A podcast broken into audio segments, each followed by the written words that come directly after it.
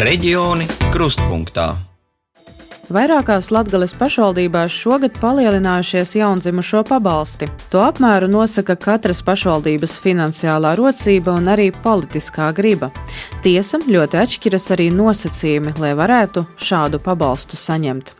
Ir situācijas, kad katrs no vecākiem ir deklarējuši savu dzīves vietu citā pašvaldībā, un tad nākas izvēlēties, kur pabalstu saņemt. Tomēr dažkārt dzīves apstākļi iegrozās tā, ka mainot dzīves vietu un mainot savu deklarēšanās adresi, piesakoties bērniņam, vecākiem nav iespējas pretendēt uz jaundzimušā pabalstu nevienā no pašvaldībām. Ar jums kopā Karina Važnē un Lāsma Zute Vītola. Šoreiz redzījumā reģiona krustpunktā pētīsim, kā atšķiras jaundzimušo pabalstu apmērs Latgales pašvaldībās un ar kādiem nosacījumiem jārēķinās, lai šādu pabalstu varētu saņemt.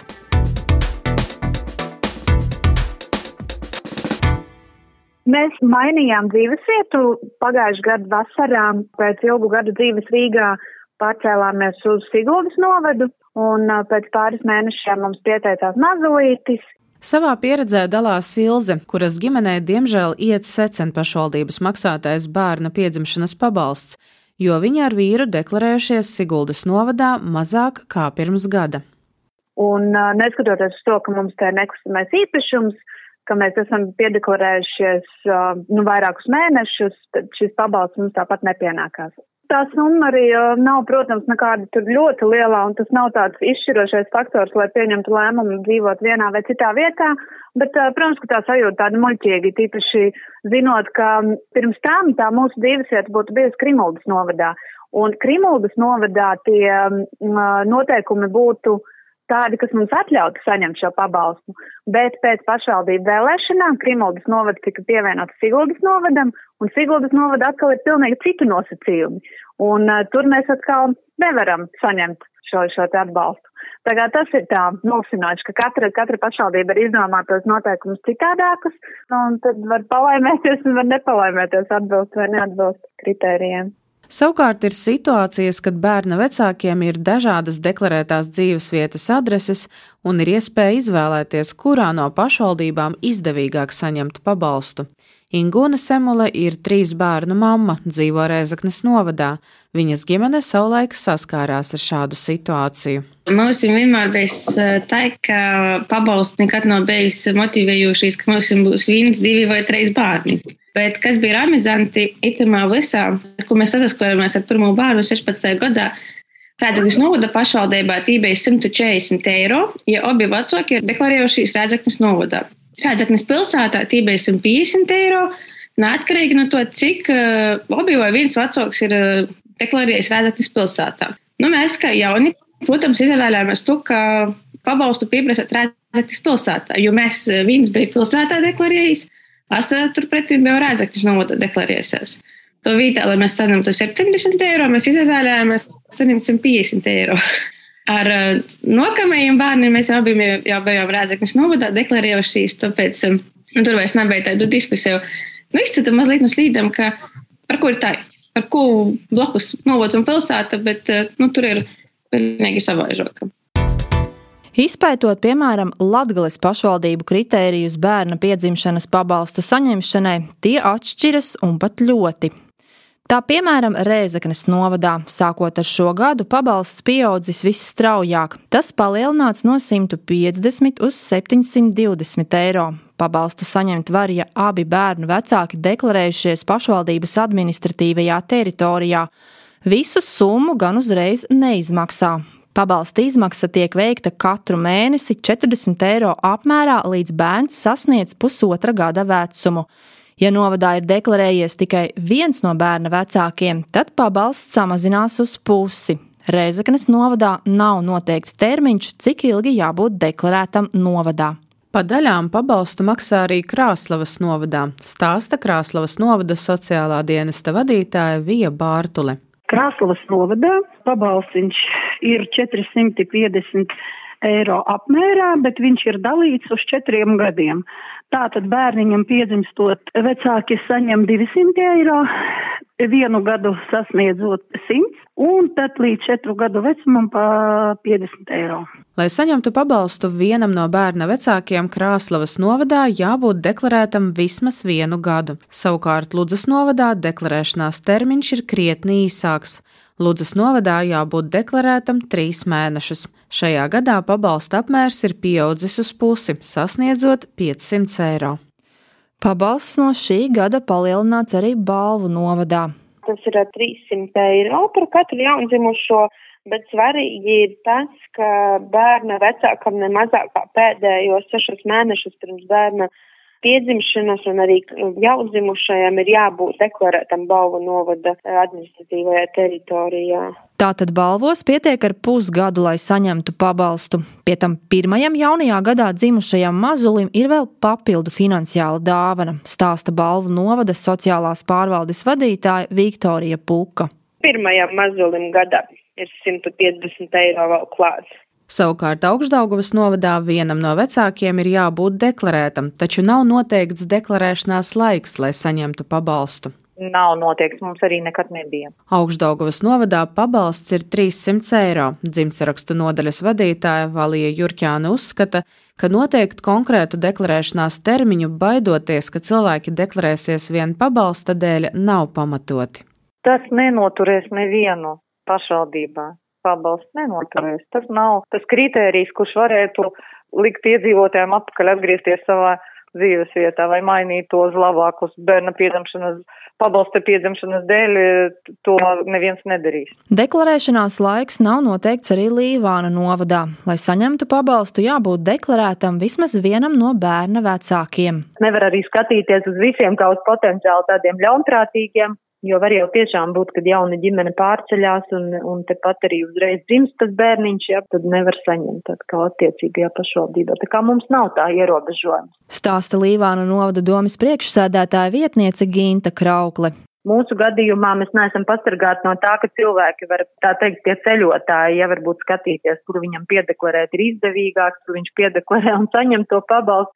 Bet katrā ziņā, nu, katrs deklarētais iedzīvotājs jau pašvaldībā ir vērtība un savukārt izdeklarēties un pārdeklarēties citur, tu vari jebkurā brīdī pats.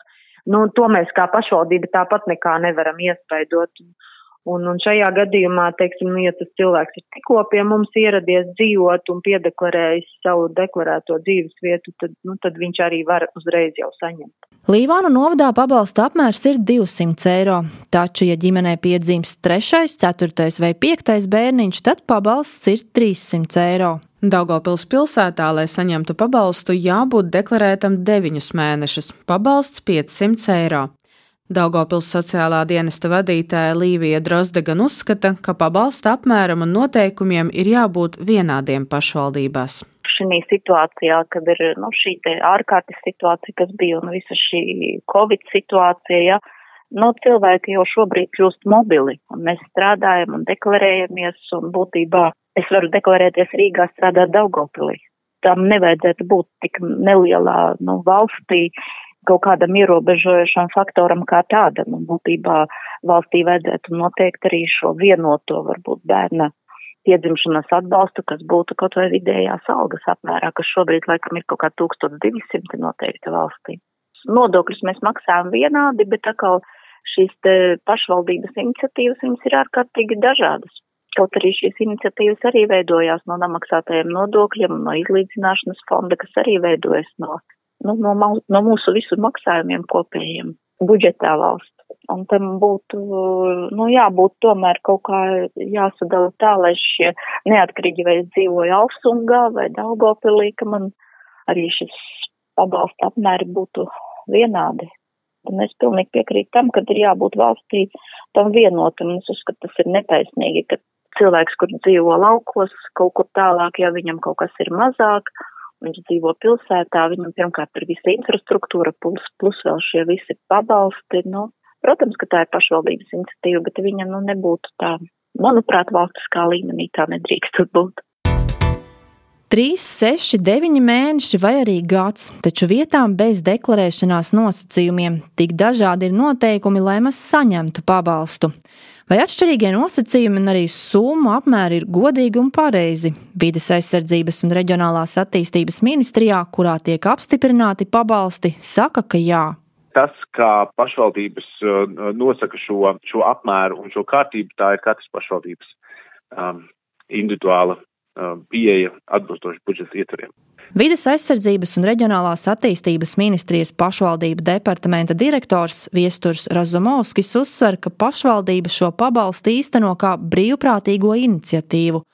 Lai arī ministrijā izvērtēja pašvaldības saistošos noteikumus arī par jaundzimušo pabalstu piešķiršanas kārtību, ministrija vērtē šo noteikumu tiesiskumu, nelietderību, un šajā ziņā mainīt kaut ko nav plānots. Pašvaldību likumā šādu atsevišķu papildus regulējumu nav plānots noteikti, un eh, jāreikinās to, ka pašvaldības jau pieņemot budžetu apmēram reikinās ar to, kādi varētu būt izdevumi tieši, piemēram, šai pašai pozīcijai. Bet uh, ja, piemēram, nosacījums ir, ka personai jābūt bijusi kādu laiku deklarētai dzīves attiecīgajā pašvaldībā, tas tikai norāda vien uz to, ka persona ir nodibinājusi tiešas saites ar to pašvaldību, no kuras viņa saņem citus sociālus, varbūt, priekšrocības.